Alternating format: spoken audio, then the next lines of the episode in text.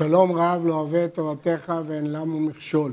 הרמב"ם, משנה תורה, ספר נשים, הלכות ייבום וחליצה, פרק שני. מדברי סופרים שלא יבוא היבם לבנתו עד שיקדש אותה בפני שני עדים בפרוטה ובשווה פרוטה. וזהו הנקרא מאמר. ואין המאמר קונה ביבמה קניין גמור כמו שהתבאר. והעושה מאמר בבנתו שלא מדעתה לא עשה כלום, שאין האישה מתקדשת אלא לרצונה, וקטנה מן האירוסין אין עושים במאמר אלא מדעת אביה. למרות שמן התורה יבמה יבוא עליה ויבמה, אין שום צורך בקידושין, כי היא כבר זקוקה ועומדת מחמת קידושי אחיו. אבל מדברי סופרים שהוא יעשה מאמר, כי הדבר מכוער, כמו שאומר המאירי, שיבוא בלי מאמר. מה זה מאמר? בעצם זה קידושי כסף, בכסף או בשווה כסף, פרוטה או שווה פרוטה, בפני שני עדים, ממש כמו קידושי כסף. ולכן הדין של זה כמו קידושי כסף, שצריך שיהיה מדעתה, ואם היא קטנה, אז אם היא כבר נישאת, אז אין לה דעת, אבל אם היא מאורסת צריכה את דעת אביה. כלומר, כמו קידושין, אבל מדרבנן, ודברי סופרים, ולכן זה לא קונה קניין גמור, כפי שנראה בהמשך ההלכות. ב. כשם שהוא מקדש את אבימתו, כך הוא מברך ברכת נישואין בעשרה, וכותב כתובה כדין כל נושא אישה. ואם בא לבימתו ולא עשה במאמר, קנה קניין גמור, ואינו צריך לחזור ולקדש אחר הבעילה. הוא מקין אותו מכת מרדות וחוטב לה כתובה. כשם שהוא מקדש את יבימתו, אז גם ברכת נישואים תקנו. חכמים תקנו ברכת חתנים, ברכת נישואים, ותקנו שהיא תהיה בעשרה.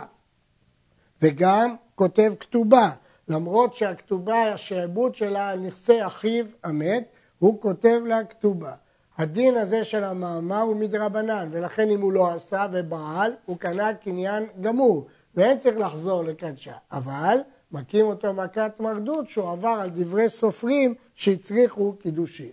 הבא לבנתו, בין בשוגג, בין במזיד, בין באונס, בין ברצון, בין שהיה הוא מזיד והיא שוגגת, או אנוסה, בין שהייתה היא מזידה והוא שוגג או אנוס, בין שהייתה ישנה, בין שהייתה ערה, בין שבאה עליה כדרכה, בין שלא כדרכה, אחד המערב ואחד הגומר, קנה.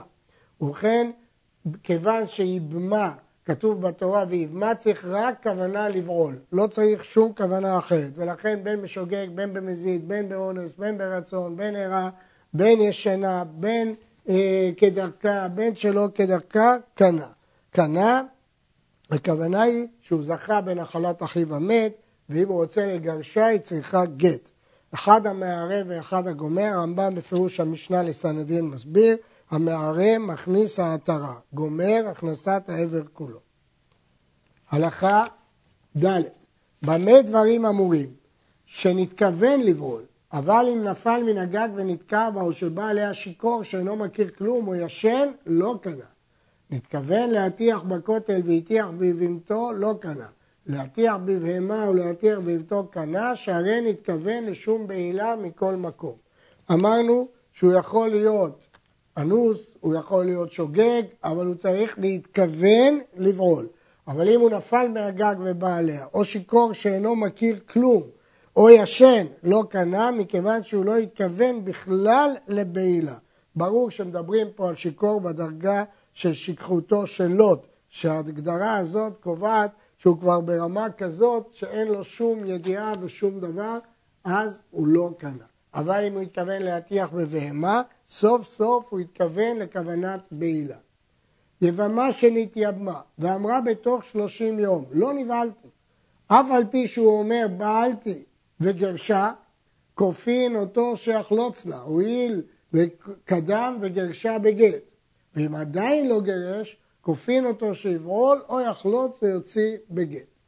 ובכן, יש כאן בעיה. היבמה אומרת, לא נבהלתי. כיוון שהיבמה אומרת לא נבהלתי, למרות שהוא אומר בעלתי, אנחנו חוששים לדבריה כי בתוך שלושים יום ייתכן שהבעל מנע את עצמו מלבוא אליה, אז היא נאמנת במה שהיא אומרת שלא נבהלה, ולכן הוא חייב לחלוץ לה כדין יבמה שלא נתייבמה, אי אפשר להתיר אותה לשוק בלי חליצה, והוא כבר גירש בגט, אז הוא חייב לתת לה חליצה. כל זה אם לא עברו 30 יום. ואם עדיין לא גירש, כופין אותו שיבעול או יחלוץ ויוציא בגט. המגיד משנה מעיר שיש נוסחאות שכתבו או יוציא בגט, בלי חליצה, אבל הגרסה הנכונה, יחלוץ, היא צריכה גט, הואיל והיא אמרה שהוא לא בעל, היא צריכה חליצה, אז היא צריכה את שני הדברים האלה יחד, גם חליצה וגם גט. גרשה לאחר שלושים יום, והיא אומרת לא נבהלתי, מבקשים ממנו שיחלוץ לה. כאן אנחנו כבר לא, היא לא נאמנת לומר לא נבהלתי, כי אדם לא מעמיד את עצמו יותר משלושים יום, ולכן ההנחה היא שנבהלה, ורק מבקשים ממנו שיחלוץ לה. ואם היה מודה שלא בעל, כופין אותו לחלוץ. היא אומרת נבהלתי, והוא אומר לא בעלתי, אינה צריכה חליצה, שאין זה נאמן לאוסרה על כל אדם אחר שכנסה. עכשיו המקרה הפוך. במקרה ההפוך, שהיא אומרת, נבהלתי, ולכן קיבלתי ממנו גט ואני מותרת לכל אדם. והוא אומר, לא בעלתי, הוא לא נאמן, מכיוון שהוא לא נאמן לאסרה על כל אדם אחר שכנסה. זאת שיטת הרמב"ם, משמע מהרמב"ם, כך מעיר המגיד משנה, שבכל מקרה שבו היא אומרת שנבעלה והוא מכחישה, אין הבדל בין תוך שלושים או אחר שלושים, אין הבא נאמן לאסור אותה על אדם אחר. וזאת בניגוד לשיטת רש"י, שאומר שבתוך שלושים יום צריכה חליצה. אבל מלשון הרמב"ם משמע שבין בתוך שלושים יום, היא, בין אחר שלושים, אם היא אומרת נבהלתי, מאמינים לה כי אין לו נאמנות לאסור על אחר. הלכה ו' מי שמת והניח אחים רבים, מצווה על הגדול לייבם או לחלוץ. מניין לומדים את זה? שנאמר, והיה הבכור אשר תלד יקום על שם אחיו המת. פשט התורה, הבכור אשר תלד היבמה, אבל מפי השמועה למדו שאינו מדבר אלא בבכור שבאחים, כלומר, גדול האחים יקום על שם אחיו המת. וזה שנאמר אשר תלד, משמע שילדה האם. כלומר, לא הכוונה רק שתלד היבמה, זה גם פשט, אבל הכוונה פה אשר תלד האם, כלומר, האח, הבכור שבאחים, זה פירוש הפסוק, היה בכור אשר תלך. לכן למדו מכאן שמצווה בגדול לייבם. אמנם אין מקרא יוצא מידי פשוטו ויש משמעות גם לפשט, אבל השמועה של חז"ל למדו ממנה הלכה שמצווה בגדול. לא רצה הגדול לייבם, מחזרים על כל האחים. לא רצו, חוזרים אצל הגדול, ואומרים לו, עליך מצווה, או חלוץ או יבם. ואין כופים את היבם לייבם, אבל כופין אותו לחלוץ. כלומר, אם הוא מסרב לייבם הגדול, מציעים את זה לכל האחים, אם לא, אף אחד לא רוצה, חוזרים אצל הגדול כי עליו המצווה, ואומרים לו, או תחלוץ או תייבם. הוא יכול להחליט, אי אפשר לכפות אותו לייבם, אבל לחלוץ ודאי שאפשר לכפות אותו. כותב הבית יוסף, כל אחד איכא כפייה כופים בכל דרך, בכל הכאה. מה שלמדנו שמחזרים על האחים, הגאון מווילנה כותב שהשולחן ערוך פסק שחוזרים דרך גדילתם, אבל הרמב"ם סתם, משמע שחוץ מהגדול אין סדר בין האחים. אמר הגדול המתינו לי עד שיגדיל הקטן, או עד שיבוא ההולך, או עד שיבריח חירש ונמלך בו, נמלך בו. אולי תמתינו, אולי הקטן ירצה כשיגדיל, או מישהו שנמצא במדינת הים יבוא, נמלך בו, ואם לא ירצה, אני אייבם או אחלוץ. אין שומעים לו, אי אפשר לעכב את האישה עד שיבוא מישהו ממדינת הים, או עד שהקטן יגדיל. אומרים לו, עליך מצווה, או יבם או חלוץ. הטענה של הקטן, הגדול לגבי קטן ולגבי הולך למדינת הים מובנת, אבל לגבי החירש, וכי יעלה על דעתנו שנמתין לו עד שיבריח חירש דבר שלא מצוי, אבל בכל אופן הוא לא, לא שומעים לו, אם כן זה לא משנה.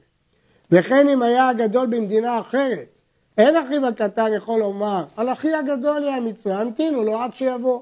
אלא אומרים לזה שהוא כאן, יבם או חלוץ. אנחנו לא מעכבים את האישה, אין הכוונה פה קטן ממש, הכוונה צעיר, אחיו הצעיר.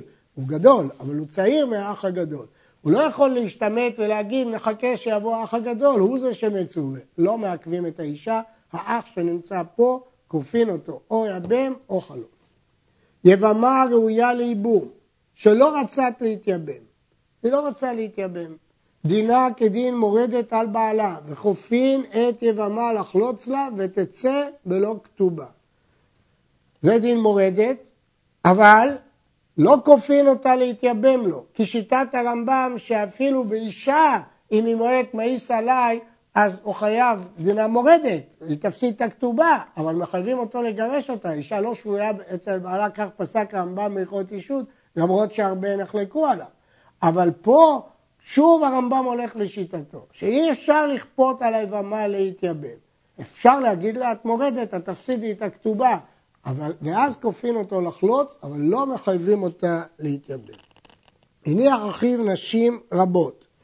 כל מי שטבע יבם מהם לייבום ולא רצת, היא המורדת, וחולץ לה, ותצא בלא כתובה. שאר צרותיה שלא נתבעו נוטלות כתובתן כשאר האלמנות. כאן יש בעיה. כאשר יש כמה נשים של האח הזה שמת בלי בנים, כל אחת מהן מיועדת לייבום. וכשאחת תתייבם, כולם יהיו פטורות. עכשיו כל אחת אומרת, למה אני המורדת? אולי השנייה היא המורדת, אולי השלישית, אולי הרביעית. אז אם כן, את מי נדון פה כמורדת? פוסק הרמב"ם, הוא תובע, הוא מחליט, היוון. אותה זאת שהוא תבע חייבת להיענות לו, ואם היא לא נענית לו, היא מורדת. לא נכפה אותה להתייבם, אבל היא תפסיד את הכתובה. אבל השאר יוצאות בלי עם כתובה כשאר האלמנות. היו היבמים רבים, יש כמה אחים, ותבע אותה הגדול לייבום, והיא אינה רוצה בו, ורוצה באחיו, אין שומעים לה, שמצווה בגדול לייבם, והיא עדיין מורדת, למרות שהיא מוכנה לייבום, היא רק לא מוכנה לייבום עם הגדול, כיוון שהמצווה הראשונה היא עליו, היא נקראת מורדת ומפסידה את כתובתה. שוב, לא נכפה אותה להתייבם, אבל נפסיד לה את כתובתה. אמר הגדול, איני רוצה לא לייבם ולא לחלוץ, הרי אחי לפנייך. ותבע אותה אחד מן האחים לייבום, והיא אינה רוצה בו, ורצת באח אחר, והוא רוצה בה, אין זו מורדת. מאחר שנסתלק הגדול שמצווה בו, הרי כולם שווים. והואיל והיא רוצה באחד מהם והוא רוצה בה, הרי זו לא מרדה. אם כן, שיטת הרמב"ם, כפי שכבר אמרתי, שגדול יש לו דין מיוחד שמצווה בו, אבל אם הוא לא מייבם, כל השאר שווים. ולכן אם אחד מהאחים רוצה לייבם והיא רוצה להתייבם לו, היא לא מורדת. לא הולכים לפי הסדר, אם יש מישהו יותר מבוגר אז היא מורדת בו. כיוון שאחרי שהגדול לא רצה, כל שאר האחים שווים בדרגה. הרעב"ד חולק וסובר שיש דרגות גם בין האחים. כל הגדול מחברו הוא קודם. ולא עוד, אלא אם היה אחד מהם במדינה אחרת, ואמרה הרי אני ממתנת עד שיבוא ויאבם אותי. אבל זה איני רוצה בו, זה שנמצא פה איני רוצה בו, אין זו מורדת. למה? כי הגדול לא רצה, הסתלק. ואומרים לזה שאינו הגדול, התובע אותה, אם תרצה לחלוץ לה ותיתן לה כתובתה, חלוץ. אפשר. ואם לאו, הרי רצת שתשב עד שיבוא אחיך. הואיל ואין לך דין קדימה עליו, אז למה שהיא תפסיד כתובה? היא יכולה להתייבם לאח שנמצא במדינת הים כשהוא יגיע. אמנם אם זה שנמצא פה מוכן לחלוץ לתת כתובה, אז הוא קודם. אבל אם הוא לא מוכן לתת כתובה והוא טוען שהיא מורדת, היא לא מורדת, כי היא מוכנה להרחיב אחרי שהגדול יסתלק. בא זה שתלתה בו ולא רצה בה, חוזרים אצל זה שתבע אותה לייבום והיא אינה רוצה בו. ואומרים לה, אין כאן מי שרוצה לייבם אלא זה, ומצוות ייבום קודמת, או תתייבם לו, או תצא בלא כתובה כדין כל מורדת. כל ההלכות האלה הולכות לפי הכלל שמצוות ייבום קודמת למצוות חליצה, שיטת הרמב"ם, ולכן אם יש רק אחד שרוצה לייבם, מוכרחה להיענות, ואם היא לא נענית, לא נכריח אותה להתייבם, אבל היא תהיה מורדת ותפסיד את כתובתה. כל יבמה שאמרנו שדינה שתחלוץ ולא תתייבם, הרי זו נוטלת כתובתה אם יש לה כתובה כשאר כל האלמנות. וכן אם היה יבמה מוכה שכין או שיש בו שאר מומי אנשים, חולץ לה ונוטלת כתובתה. נולדו בה מומים כשהיא שומרת יבם, נסתחפה שדה או אם לא רצה לייבם, יחלוץ וייתן כתובה. אם הדין שלה שהיא תחלוץ, היא לא מורדת, ולכן בוודאי שהיא נוטלת כתובה כשאר כל האלמנות. גם אם היבם יש לו מום כבד של מוכה שכין או מום של אנשים שכבר למדנו עליהם בהלכות אישות, חולץ לה ונוטל את כתובתה. אבל נולדו לו בומים אחרי שהיא שומרת יבם, כבר היא זקוקה לו ונסתחפה שדהו. ואם היא לא רוצה בכל זאת, כן, אז הוא יחלוץ וייתן כתובה. למה? כי נסתחפה שדהו.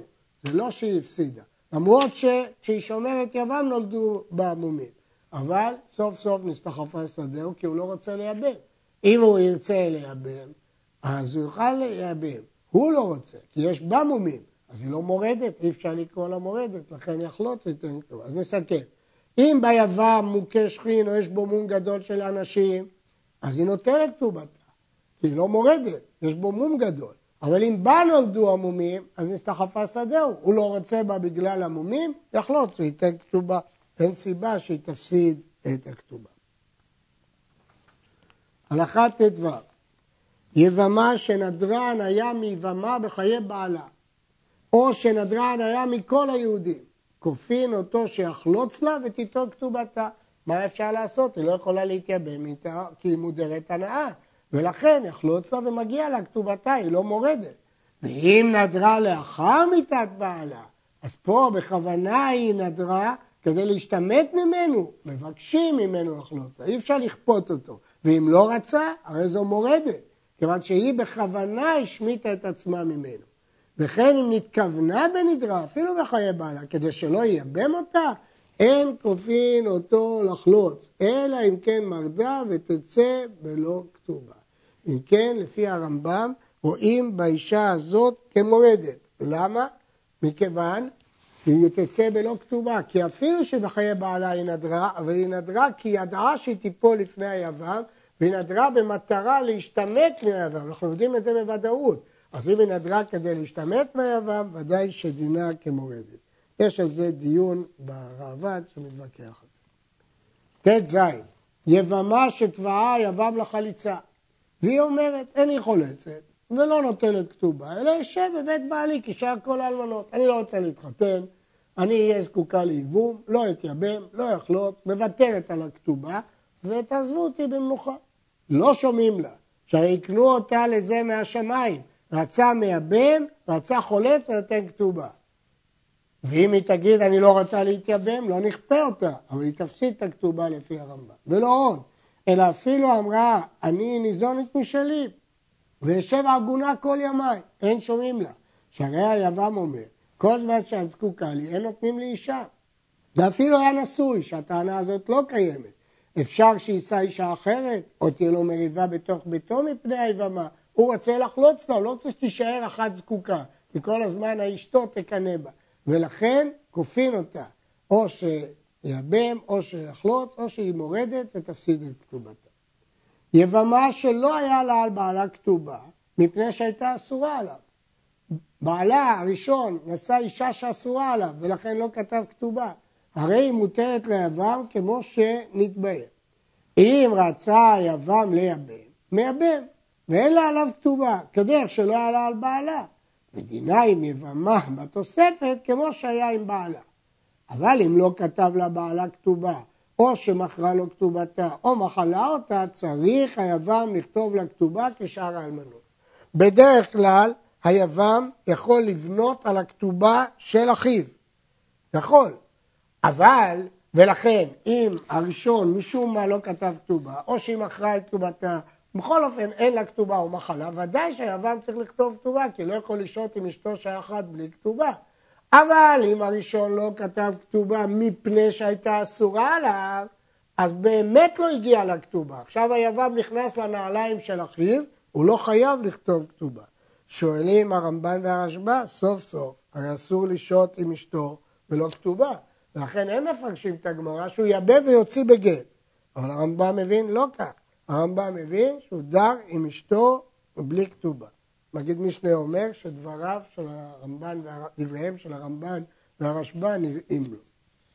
י"ח היבמה קודם שיבוא עליה יבמה, או קודם שיחלוץ לה, הרי היא אסורה להינשא לזר, שנאמר לא תהיה אשת המת החוצה לאיש זר.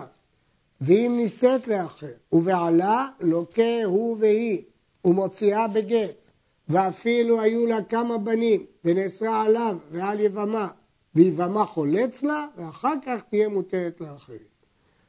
שים לב, יבמה שמת בעלה היא אלמנה, היא לא אשת איש, אבל היא זקוקה לייבום. כיוון שהיא זקוקה לייבום, עד שלא תתייבם או עד שלא תחלוץ, היא אסורה לזר בלאו, לא תהיה אשת המת החוצה לאיש זר. כיוון שהיא אסורה בלאו, אם יישא אותה אחר ויבעל אותה, יעשה מעשה, הוא לוקה, הוא והיא, הוא חייב להוציא אותה בגט, והיא נאסרת עליו, ואפילו היו לה כמה בנים, וגם היא נאסרת על יבמה, כי היא כבר נישאה למישהו אחר, אבל היא חייבת חליצה מיבמה, והיא תהיה מותרת לאחרים. נתקדשה לאחר, אם היא לא נישאה לו, רק הוא קידש אותה, לא נאסרה על יבמה, אלא נותן לה הזג שקידשה גט, והיא חוזרת למצב הקודם, זקוקה לייבום, ויבמה מייבם או חולץ, כיוון שהשני רק קידש, לא נשא אותה. אז זה לא כאילו הראשון מחזיר גרושתו. ואם היה יבמה כהן שאינו יכול לשאת גרושה, אז אם הזר ייתן לה גט, היא אה, לא תוכל להינשא, נכון? תצא מן הזר בגט כדי שלא יהיה החוטא נשכר ויחלוץ לה יבמה. אף על פי כן לא נשאיר אותה אליו, לא נגיד שפה עדיף שהיבם יחלוץ הכהן והיא תישאר עם ה... לא, כיוון שהוא נשא אותה בחטא לפני שחלצו לה, ייתן לה גט והיא תיאסר עליו. והיבם יחלוץ, הוא לא יכול לייבם, אז שיחלוץ.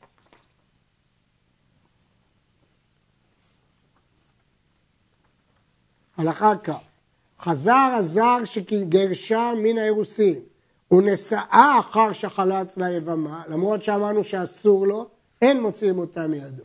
כי סוף סוף עכשיו היא מותרת לשוק, ולכן הוא יכול, בדיעבד, אם הוא כנס, אין מוציאים מידו. אבל אם גרשה מן הנישואין וחזר ונמצא אחר שחלצה, מוציאים אותה מידו. מפני שהיא דומה לאשת איש, היא הייתה זקוקה, שנישאת, ובא בעלה, שהיא אסורה על זה ועל זה, כמו שביארנו, ולכן אם היא נישאת לזר לפני שהיא חלצה, היא אסורה על שניהם. והיבמה שזינית והיא זקוקה, היא לא נישאת ולא התקדשה, היא זינתה עם מישהו, לא נאסרה על יבמה. רצה חולץ, רצה מייבם. רק קידושין או נישואין אוסרים אותה על היבם. כ"א כל יבמה שהיא ספק מדבריהם אם יש עליה זיקת יבם או אין עליה זיקת יבם. כגון יבמה שילדה ולד שלא קנו לו חודשיו. הוא מת בתוך 30 יום, שזה ספק נפל. הספק היא מחייבת בדין ייבום או לא. מה דינה? שתחלוץ מספק מדבריהם, כמו שבארנו, מדי רבנן. אם הלכה ונתקדשה לאחר קודם חליצה, חולץ לה יבמה ותשב עם בעלה. כי כאן הוא לא עבר על איסור דאורייתא, כי יכול להיות שהיא בכלל לא זקוקה לייבום, רק מדי רבנן. אז לכן היא יכולה לשבת עם בעלה, אי אפשר להוציא אותה ממנו. ואם נתקדשה לכהן שהוא אסור בחלוצה, אינו חולץ לה, חידוש גדול, שאין אוסרים על זה אשתו מספק של דבריהם. הרי הוא כבר נשא אותה, והוא כהן. אם נצריך את היוון שיחלוץ לה מספק מדי רבנן, הוא יאסור אותה על בעלה. אי אפשר לעשות את זה, ולכן לא יחלוץ לה. ולמרות שהמצב הוא מצב של ספק, אז אם כן, למרות שיש פה ספק, אנחנו משאירים אותו אצלה. למה? כי כיוון שהתקדשה לאחר מספק, אז היא יכולה להמשיך לחיות. גרשה הכהן או מת, הרי זו חולצת, ואחר כך תינשא לאחרים לכתחילה. אם הכהן הזה שקידש אותה, גירש אותה, היא חוזרת למצב הראשון, אי אפשר להתייבם, אבל היא חולצת, ואחר כך תינשא לאחרים לכתחילה. עד כאן.